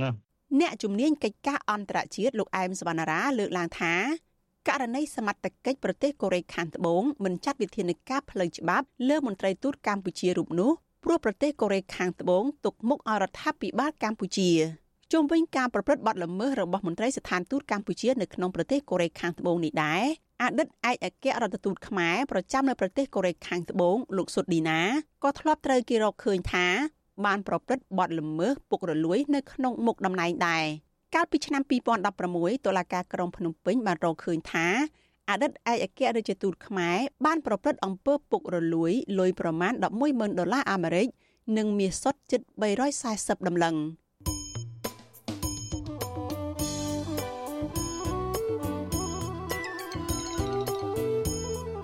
លោកអ្នកនាងជាទីមេត្រីដំណើរគ្នានឹងស្ដាប់ការផ្សាយផ្ទាល់របស់វិទ្យុអាស៊ីសេរីតាមរយៈបណ្ដាញសង្គម Facebook YouTube និង Telegram ចាលោកនាងក៏អាចស្ដាប់ការផ្សាយរបស់វិទ្យុអាស៊ីសេរីតាមរយៈវិទ្យុរលកធាតុអាកាសខ្លី Post SW តាមកម្រិតនិងកម្ពស់ដូចតទៅនេះពេលព្រឹកចាប់ពីម៉ោង5កន្លះដល់ម៉ោង6កន្លះតាមរយៈ Post SW 93.90 MHz ស្មើនឹងកម្ពស់ 32m និង Post SW 11.85 MHz ស្មើនឹងកម្ពស់ 25m ពេលយប់ចាប់ពីម៉ោង7កន្លះដល់ម៉ោង8កន្លះ តាមរយៈ post SW 93.30 MHz ស្មើនឹងកម្ពស់ 32m និង post SW 11.88 MHz ស្មើនឹងកម្ពស់ 25m និង post SW 15.15 MHz ស្មើនឹងកម្ពស់ 20m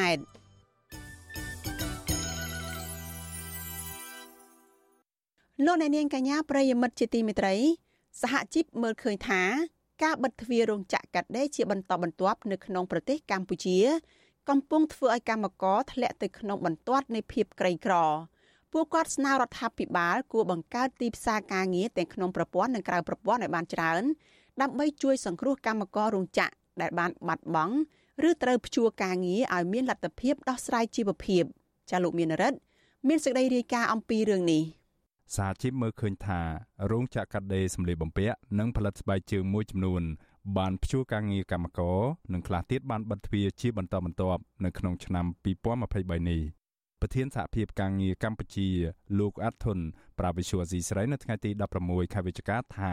រោងចក្រកាត់ដេរមិនតិចជាង60នោះទេ បានបិទទ្វារក្រោមហេតុផលថាគ្មានអ្នកបញ្ជាទិញឬខាតបង់ផលចំណេញដោយសារតែកម្ពុជាកំពុងប្រឈមបញ្ហាបាត់បង់ប្រព័ន្ធអនុគ្រោះពន្ធ EBA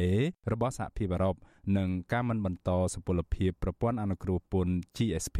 របស់សហរដ្ឋអាមេរិក លោកបន្តថាកត្តាទាំងនេះហើយបានធ្វើឲ្យកម្មកររោងចក្រភ ieck ច្រើនរស់នៅក្នុងជីវភាពយ៉ាប់យ៉ឺនព្រោះពួកគេមិនអាចរកការងារធ្វើផ្សេងបានទាន់ពេលវេលាខណៈបញ្ហាទំនិញឡើងថ្លៃនិងបំណុលកំពុងរួមរឹតពួកគាត់ឲ្យធ្លាក់ចូលទៅក្នុងបន្ទាត់នៃភាពក្រីក្រខណៈរោងចក្របាត់គាត់មិនមានការងារធ្វើគាត់មិនអាចទៅរកការងារធ្វើបានមានន័យថាគាត់វេទនាគាត់ពិបាកក្នុងការយកលុយទៅទិញម្ហូបអាហារឬក៏ផ្គត់ផ្គង់ការរៀនសូត្ររបស់កូនហើយអ្នកខ្លះក៏លក់ទ្រព្យសម្បត្តិដីធ្លីអ្នកខ្លះគឺជាពាក់លុយបំណុលធនាគារមិនមានសងគឺគេអាចរឹបអូសអីទ្រព្យសម្បត្តិចឹងទៅហើយយូរយូរគាត់នឹងក្រគាត់នឹងខ្លាយទៅជាគ្រួសារក្រីក្រដែលជាប់បំណុលវ៉ាន់កឬក៏អាចថាគាត់ពិបាកគាត់មិនមានលទ្ធភាពក្នុងការឲ្យកូនបានរៀនសូត្រនិងចូលរួមក្នុងសង្គមគេបាទអ្នកលក់ទឹកអំពៅដែលជាអតីតកម្មកររោងចក្រ Din Han លោកស្រីជាស៊ីណែតប្រាវិសុវអាស៊ីស្រីថាបច្ចុប្បន្នជីវភាពលោកស្រីកាន់តែលំបាកលំបិនខ្វះមុខខ្វះក្រោយ ជាពិសេសរងសម្ពាធដោយសារបំណុលធនាគារ ក្រោយពេលរោងចក្រ Din Han ដែលលោកស្រីធ្វើការបានបិទទ្វារកាលពីចុងឆ្នាំ2022ដោយតកែអះអាងថាគ្មានអ្នកបញ្ជាទិញលោកស្រីបន្តថាធ្វើត្បិតការងាររោងចក្រមិនអាចធ្វើឲ្យលោកស្រីមានជីវភាពល្អប្រសើរយ៉ាងណាក្តីក៏ការងារមួយនេះបានផ្ដល់កម្រៃដល់លោកស្រីប្រចាំខែ ដែលអាចយកទៅសងបំណុលធនាគារបង់ថ្លៃទឹកភ្លើងបន្ទប់ជួល បន្ទាប់ពីកាត់បន្ថយការចំណាយទៅលើថ្លៃម្ហូបអាហារ អូយជីវភាពគឺវាលំបាកហើយខ្ញុំនៅជាប់កូនរៀនផងហើយផងនឹងវាពិបាកខ្លាំងហ្មងឥឡូវបើកលក់ដូរទៅសុកនៅផ្ទះតិចតួចទិញហើយខ្លះលេងលក់បាន4000រៀលអីហើយអីដែលសំខាន់នៅពេលដែលបងការងារយើងរកការងារធ្វើអត់បានហើយរោងចក្រឥឡូវក៏វាពិបាកសម្រាប់ទៅអត់ថែមម៉ោងទៅទី50%ទៅកាលពីថ្ងៃទី29ខែតុលាអង្គការសង្ត្រាល់បានស្ទង់មតិកម្មករចំនួន300នាក់ មកពីរោងចក្រចំនួន20ក្នុងនោះមានកម្មករ91%ជំពាក់បំណុលធនាគារខណៈកម្មករ70%អះអាងថាបំណុលរបស់ពួកគេកើនឡើងទ្វេដងនៃប្រាក់ជំពាក់ការស្ទង់មតិបង្ហាញឲ្យដឹងដែរថាកម្មករប្រមាណ40%ជំពាក់បំណុលធនាគាររហូតដល់ទៅ3កន្លែងផ្សេងគ្នាដោយសារតែពួកគាត់ខ្ចីពីកន្លែងមួយយកទៅសងកន្លែងមួយទៀត វិសុវអាស៊ីស្រីមិនអាចតាក់ទងแนะនាំពាក្យក្រសួងកាងារលោកកតាអូននិងអគ្គលេខាធិការនៃសមាគមរោងចក្រកាត់ដេរនៅកម្ពុជា លោក Ken Lu ដើម្បីសុំការបកស្រាយជុំវិញរឿងនេះបាននៅឡើយទេនៅថ្ងៃទី16ខែវិច្ឆិកា ជុំវិញរឿងនេះប្រធានសម្ព័ន្ធសហជីពចលនាកម្មករលោកប៉ៅស៊ីណា មានប្រសាសន៍ថានៅរយៈកាលចុងក្រោយនេះរោងចក្រចំនួន9ក្នុងចំណោមរោងចក្រជិត40ដែលមានសមាជិកសម្ព័ន្ធសហជីពចលនាកម្មករបានព្យួរការងារកម្មករក្រោមហេតុផលគ្មានអ្នកបញ្ជាទិញនិងរោងចក្រមួយចំនួនទៀតបានបិទទ្វារដោយគ្មានមូលហេតុ លោកយល់ឃើញថាប្រឈមនឹងបញ្ហានេះរដ្ឋាភិបាលគួរបង្កើតទីផ្សារការងារទាំងក្នុងប្រព័ន្ធនិងក្រៅប្រព័ន្ធឲ្យបានច្រើន ដើម្បីជួយសង្គ្រោះកម្មកររោងចក្រដែលបាត់បង់ឬត្រូវព្យួរការងារឲ្យមានលទ្ធភាពដោះស្រាយជីវភាព និងសងបំណុលធនាគារការបណ្ដុះបណ្ដាលជំនាញដែលស្របទៅតាមគោលនយោបាយដែលរដ្ឋាភិបាលបានកំពុងតែដាក់ចេញគឺអានឹងវាជារឿងចាំបាច់តែបើសិនបើយើងមានជំនាញហើយខ្វះក្រុមហ៊ុនវិនិយោគមកកម្ពុជាក៏យើងនឹងពិបាកដូចគ្នាដែរអញ្ចឹងមានជំនាញហើយវាត្រូវតែមានការងារទៀតដូច្នេះទាំងអស់នេះហើយវាបានវាឆ្លើយតបគ្នារបាយការណ៍របស់ក្រសួងការងារនិងបណ្ដុះបណ្ដាលវិជ្ជាជីវៈឲ្យដឹងថាក្នុងឆ្នាំ2022រោងចក្រចំនួនជិត500បានបិទទ្វារដែលធ្វើឲ្យប៉ះពាល់ដល់កម្មករនិយោជិតសរុបជិត60000នាក់និងមានរោងចក្រសហគ្រាសចំនួនជាង100បានព្យួរការងារចំណែកខាងសហជីពឲ្យដឹងថាគិតត្រឹមរយៈពេល8ខែឆ្នាំ2023នេះមានរោងចក្រចំនួន40 បានប្រកាសខ្សែធននិងបិទទ្វារខណៈរោងចក្រមួយចំនួនទៀតបានកាត់បន្ថយចំនួនកម្មករឬម៉ោងការងារដែលធ្វើឲ្យប៉ះពាល់ដល់ប្រាក់ខែកម្មករដោយឡែកថ្មីថ្មីនេះសហជីពឲ្យដឹងថារោងចក្រ20បន្ថែមទៀតបានប្រកាសបិទទ្វារផងដែរ កម្មករនិងសហជីពស្នើឲ្យរដ្ឋាភិបាលកម្ពុជា ស្នើសុំប្រព័ន្ធអនុគ្រោះពន្ធ EBA ពីសហភាពអឺរ៉ុបនិងការបន្តផ្ដល់ប្រព័ន្ធអនុគ្រោះពន្ធ GSP មកវិញដោយពួកគាត់យល់ឃើញថាមានតែប្រព័ន្ធអនុគ្រោះពន្ធនេះប៉ុណ្ណោះដែលអាចទាក់ទាញវិនិយោគិនឲ្យមកបើករោងចក្រនៅក្នុងស្រុកកាន់តែច្រើនដែលផ្ដល់ការងារឲ្យពួកគាត់បានធ្វើដោយគ្មានហានិភ័យពីការបិទទ្វាររោងចក្រខ្ញុំបានមេរិត Visual Asia ស្រី ពីរដ្ឋធានី Washington លោកដានៀងកញ្ញាជាទីមេត្រីព័ត៌មានតកតងនឹងតំបន់អង្គរវិញម្ដងចាអង្គការ UNESCO អំពាវនាវឲ្យរដ្ឋាភិបាលកម្ពុជាគោរពសិទ្ធិពលរដ្ឋរស់នៅតំបន់អង្គរដោយត្រូវអនុវត្តតាមសំណើរបស់អង្គការលើកលែងទោសអន្តរជាតិដែលបានលាតត្រដាងពីការរំលោភសិទ្ធិមនុស្សរបស់អាជ្ញាធររដ្ឋាភិបាលការអំពាវនាវរបស់អង្គការ UNESCO នេះធ្វើឡើងភ្លាមភ្លាមឆ្លើយតបនឹងរបាយការណ៍របស់អង្គការលើកលែងទោសអន្តរជាតិ Amnesty International ដែលរកឃើញថាអាញាធរកម្ពុជា បានយកឈ្មោះអង្គការនេះទៅបណ្ដេញពលរដ្ឋរាប់ពាន់គ្រួសារចេញពីលំនៅឋានដោយបង្ខំសេចក្តីប្រកាសព័ត៌មានរបស់អង្គការ UNESCO ចេញកាលពីយប់ថ្ងៃទី15ខែវិច្ឆិកាឲ្យដឹងថា UNESCO បារម្ភពីការដែលអង្គការលើកលែងទោសអន្តរជាតិបានរកឃើញតាក់ទងនឹងការផ្លាស់ទីលំនៅរបស់ពលរដ្ឋដោយបង្ខំ UNESCO សង្កត់ធ្ងន់ថាខ្លួនមិនបានស្នើសុំគាំទ្រឬចូលរួមនៅក្នុងកម្មវិធីនេះឡើយ អង្គការ UNESCO អះអាងថាបានរំលឹកម្ដងហើយម្ដងទៀតជាសាធារណៈចាប់តាំងពីអាញាធរកម្ពុជា បានប្រកាសកម្មវិធីផ្លាស់ប្តូរទីលំនៅពលរដ្ឋកាលពីឆ្នាំ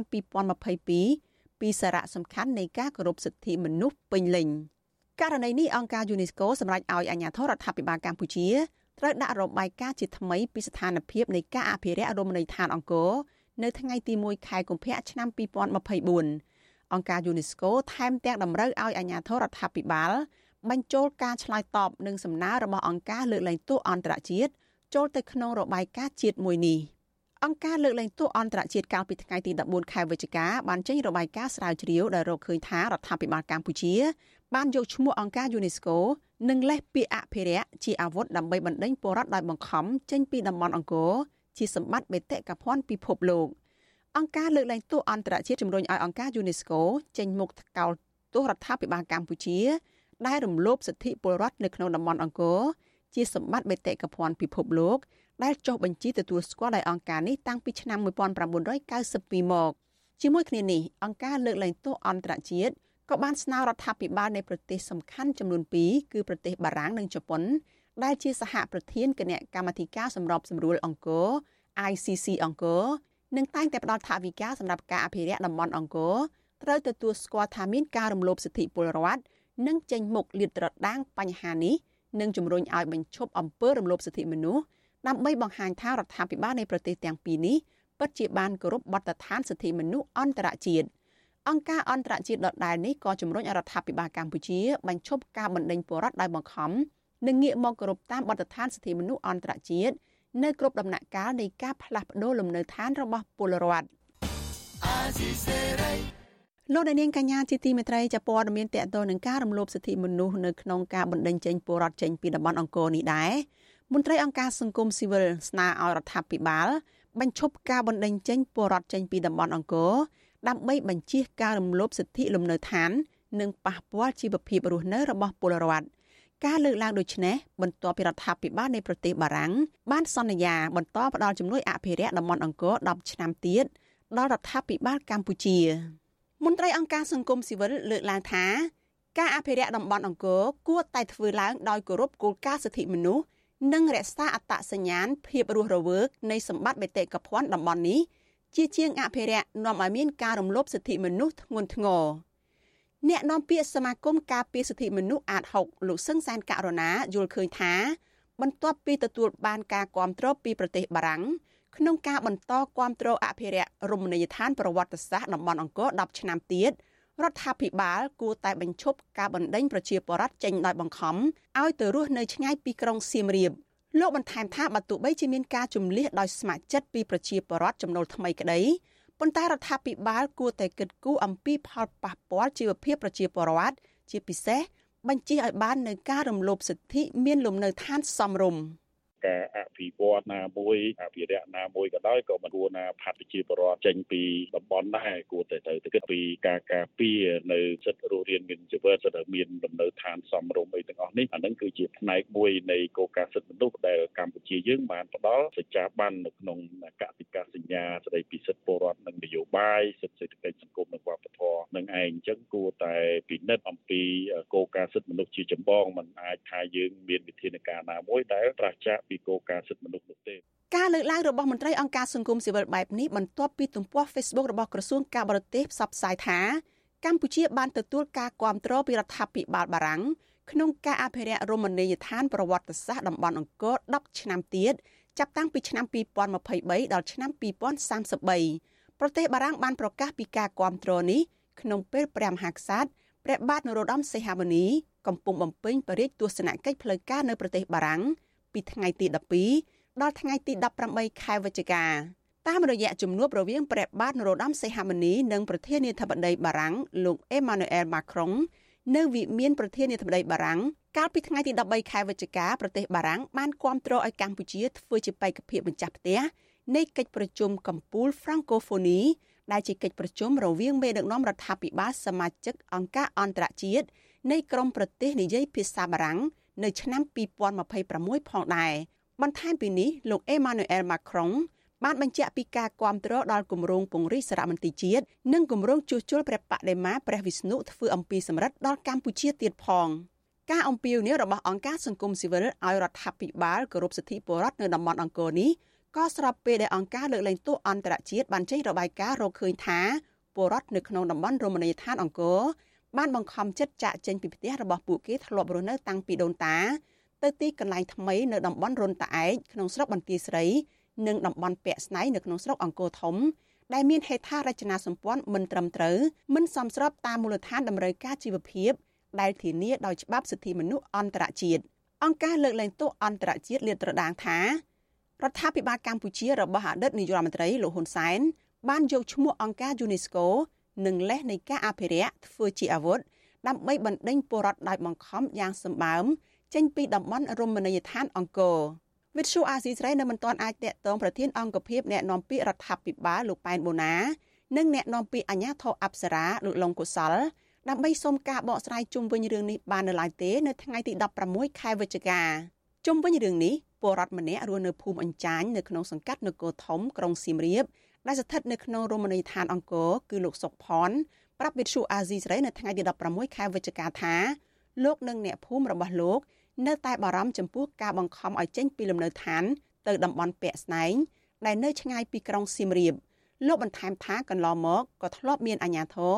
ចុះសួរនាំឲ្យដោះដូរដីផងដែរប៉ុន្តែលោកនិងអ្នកភូមិមិនចង់ផ្លាស់ប្ដូរលំនៅឋាននោះឡើយ។ អរិរដ្ឋាភិបាលនឹងអាចជួយបានថាឥឡូវពងខ្ញុំនេះភូមិចាញនេះក៏រស់នៅពីប្រាសាទអង្គរនោះក៏ឆ្ងាយក្រិនដែរមិនទៅបៀតមុខអង្គរក៏មិនទៅក្រោយមុខអង្គរក៏វានៅជ្រុងចង្ហៀងឆ្ងាយពីប្រាសាទអង្គរណាស់សំណុំពោដល់រដ្ឋាភិបាលមកទៅអនុគ្រោះឲ្យជាពលរដ្ឋដែលរស់នៅចាស់នោះឲ្យរស់នៅបានកំពុងខ្ញុំអរគុណធំធំណាស់ซึ่งបួងសួងដល់សកៈទេវរាជដែលជាស្ដេចទេវតា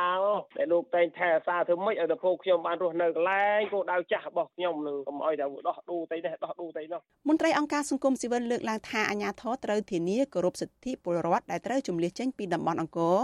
បើមិនដូច្នោះទេ វានឹងធ្វើឲ្យតំបន់អង្គរមានកេរ្តិ៍ឈ្មោះមិនល្អជាសម្បត្តិបេតិកភណ្ឌពិភពលោកនោះទេ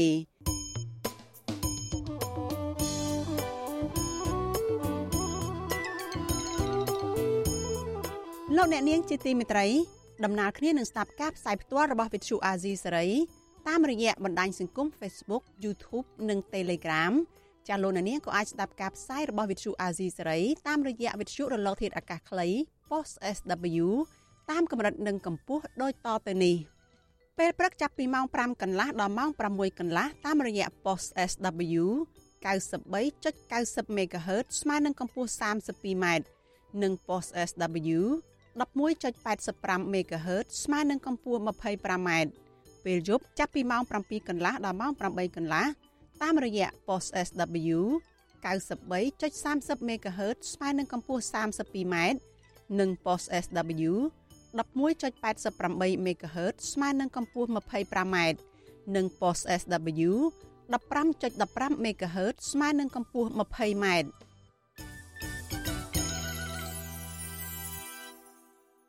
លោកអ្នកនាងកញ្ញាជាទីមេត្រីសេចក្តីរាយការណ៍ពីខេត្តបាត់ដំបងឯណោះឲ្យដឹងថាប្រជានេសាទរស់នៅលើផ្ទះបណ្ដែតទឹក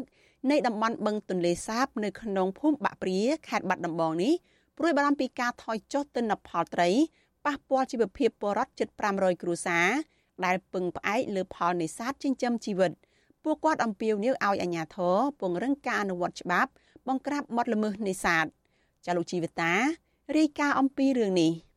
ពលរដ្ឋជិត500គ្រួសាររស់នៅក្នុងភូមិបាក់ព្រាឃុំព្រៃចាស់ស្រុកឯកភ្នំ ដែលមានជីវភាពពឹងផ្អែកលើផលនេសាទតាំងពីបុរាណកាលមកនោះចង់ឃើញរដ្ឋាភិបាលចាត់វិធានការមើងម៉ាត់បង្ក្រាបបទល្មើសនេសាទគ្រប់រូបភាពដើម្បីស្ដារជីវភាពសហគមន៍រស់នៅលើផ្ទះបណ្ដែតទឹកប្រជានេសាទរស់នៅភូមិបាក់ព្រាលោកចឹកជួបប្រាប់វិទ្យុអាស៊ីសេរីថាបទល្មើសនេសាទគឺជាមូលហេតុចម្បង ដែលធ្វើឲ្យទិន្នផលត្រីថយចុះជាបន្តបន្ទាប់ លោកថាអ្នកនេសាទខ្លះចាប់ត្រីមិនសូវបានបានដើរចាប់ខ្យងលក់និងចិញ្ចឹមត្រីក្នុងបែរក្រោមផ្ទះបណ្ដែតទឹកដើម្បីបង្កើនប្រាក់ចំណូលបន្ថែមទៀតចង់បានចង់មកឲ្យត្រីទូធាវិញតបក្រាបបត់ល្មើសអីបើបត់ល្មើសវាឥឡូវវាធំដុំពេកហើយមួយខ្ញុំរើសខ្យងវាបានតែខ្យងខ្យងតែត្រីអត់មានហូបទេត្រីឥឡូវរត់បានទេព្រោះលបឥឡូវរស់ស៊ីវាធំដុំពេកចាប់ត្រីសាហាវពេកទៅពួកខ្ញុំអ្នករកចេះច្រកអត់បានហូបទេប្រជានេសាទអះអាងថា អ្នកដែលប្រព្រឹត្តបទល្មើសនេសាទភ ieck ច្រើន ជាអ្នកមានលុយមានអំណាចដែលតែងតែលួចរុញស៊ីបប្រើឧបករណ៍ឆក់និងអូសម៉ាញ់ក្នុងចន្លោះព្រៃលិចទឹកនៃតំបន់បឹងទន្លេសាបចាប់ពីចំណុចភូមិបាក់ព្រាភូមិកោះជីវាំងរហូតដល់ភូមិព្រែកទាល់និងចំណុចក្បាលតោក្នុងឃុំព្រៃចាស់អ្នកភូមិថាក្រុមជនល្មើសលួចប្រព្រឹត្តបទល្មើសទ្រង់ទ្រាយធំដោយប្រុងប្រយ័ត្នរាំងខ្ទប់ដំណើរត្រីរកកន្លែងជ្រកក្នុងតំបន់ព្រៃលិចទឹករីឯអាជ្ញាធរជំនាញ ចុះបង្ក្រាបបទល្មើសម្ដងម្កាលហើយនៅពេលបង្ក្រាបបទល្មើសបានគ្រាន់តែយកឧបករណ៍ដុតកំទេចចោលមិនបានស៊ើបអង្កេតរកអ្នកពាក់ព័ន្ធមកអនុវត្តតាមច្បាប់នោះឡើយប្រជានេសាទម្នាក់ទៀតលោកអ៊ុនសំនៀងអះអាងថាកន្លងទៅគ្រួសារលោកអាចរកប្រាក់ចំណូលបានចន្លោះពី100000រៀលទៅ200,000រៀលក្នុងមួយថ្ងៃក៏ប៉ុន្តែបច្ចុប្បន្នរកប្រាក់ចំណូលមិនដល់50000រៀលផង លោកបារម្ភថា ជីវភាពពលរដ្ឋរស់នៅលើផ្ទះបណ្ដែតទឹកនឹងកាន់តែលំបាកខ្លាំងប្រសិនបើអាជ្ញាធរមិនពង្រឹងការអនុវត្តច្បាប់នេសាទឲ្យទាន់ពេលនោះទេឥឡូវវាមិនសូវស្បូរដូចពីមុនវាពិបាករលុយខ្លាំងឥឡូវត្រីក៏ចង់ដាច់ខ្យងក៏អស់រើសដែរឥឡូវលែងមានរើសហើយឥឡូវរោតែរហូតមើលមិនដែរស្រាផងទុំស្រាទៅបនទៀនម្ដងយាមយ៉ាងរបាយការណ៍អាជ្ញាធរឃុំព្រៃចាស់ឲ្យដឹងថាពលរដ្ឋរស់នៅលើផ្ទះបណ្ដែតទឹកក្នុងភូមិបាក់ព្រា មានចំនួនជិត2000នាក់ ក្នុងចំណោមពលរដ្ឋជិត500គ្រួសារពលរដ្ឋស្ទើរតែទាំងអស់ប្រកបរបរនេសាទត្រីដើម្បីចិញ្ចឹមជីវិតឆ្លើយតបនឹងរឿងនេះនាយខណ្ឌរដ្ឋបាលជលផលខេត្តបាត់ដំបងលោកជួងសុភា មានប្រសាសន៍អះអាងថាអាញាធរបន្តរឹតបន្តឹងបទល្មើសនេសាទក៏ប៉ុន្តែលោកថានៅមានហេតុផលផ្សេងទៀតដែរដែលបណ្ដាលឲ្យទិន្នផលត្រីថយចុះនោះគឺរួមទាំងកត្តាអាកាសធាតុផងដែរទោះជាយ៉ាងណា លោកបញ្ជាក់ថា នៅបំណាច់ខែវិច្ឆិកានេះប្រសិនបើត្រីនៅតែថយចុះទៀតគឺវាអាចតាក់ទងនឹងកត្តា3សំខាន់សំខាន់រួមមានការប្រើឧបករណ៍នេសាទខុសច្បាប់ ការប្រើថ្នាំពុលនៅវាលស្រែការប្រើជីកសិកម្មនិងការបាត់បង់ព្រៃលិចទឹក ដែលពួកលោកកំពុងតាមដាននិងដោះស្រាយ។ យើងទៅតឡាការបានច្រើនហើយសូម្បីតែឆក់ក៏យើងទៅចាប់បានថ្មីថ្មីក៏បញ្ជូនហើយបាទពេលដែលយើងចោះទៅបរិងសហគមន៍នេសាទហ្នឹងគឺយើងតែងតែហៅគណៈកម្មការជាពលរដ្ឋខ្លះចូលរួមបញ្ជូនទី2តាមរបៀបរូបភាពគឺយើងបានធ្វើទាំងបណ្ណោយើងបានទៅស្លាកសញ្ញាយើងបានបោះគោលកន្លែងអភិរក្សយើងមានច្រើនហ្នឹងតាមរយៈអង្គការដៃគូនានាជួយឲ្យយើងមានការដាំព្រៃលិចទឹកដើម្បីជួយដាស់តឿនគាត់ឲ្យការពារព្រៃលិចទឹកជុំវិញរឿងនេះសមាជិកក្រុមចលនាមេដាធម្មជាតិលោកថនរដ្ឋា ដែលបានចុះអង្កេតរឿងនេះយល់ឃើញថាមន្ត្រីពាក់ព័ន្ធគួរតែឈប់ប្រព្រឹត្តអំពើពុករលួយនិងបំផ្លាញធនធានធម្មជាតិហើយងាកមកទប់ស្កាត់បទល្មើសនេសាទដើម្បីលើកកម្ពស់ជីវភាពសហគមន៍ខ្ញុំទៅអំបញ្ញវិញកន្លែងតំបន់បាក់ព្រាគឺជាកន្លែងដែលសម្បូរទៅដោយត្រីតែឥឡូវនេះត្រីនោះក៏រោលេងបានរហូតដល់ផ្លាស់ប្ដូរទៅរោគខ្យងវិញហើយវាជារឿងដែលជាបញ្ហាធំមែនតើដែលតែចាំបាច់ក្នុងការដោះស្រាយទៅលើធ្វើយ៉ាងណាឲ្យ មានទិន្នផលត្រីកើនឡើងវិញដើម្បីធ្វើឲ្យជីវភាពរបស់ប្រជាពលរដ្ឋមានភាពល្អប្រសើរវិញព្រោះនៅតំបន់នោះចាប់ផ្ដើមមានការចំណាក់ស្រុកផងក៏ដូចជាពលរដ្ឋចាប់ផ្ដើមមានបញ្ហាផ្នែកសេដ្ឋកិច្ចប្រជាសហគមន៍នេសាទបន្ថែមថាប្រសិនបើអាជ្ញាធរអនុវត្តច្បាប់ត្រឹមត្រូវនិងច្បាស់លាស់ធនធានត្រីនឹងសម្បូរឡើងវិញដែលនឹងធ្វើឲ្យជីវភាពរបស់ប្រជាពលរដ្ឋល្អប្រសើរឡើងវិញខ្ញុំជីវិតាអាស៊ីសេរី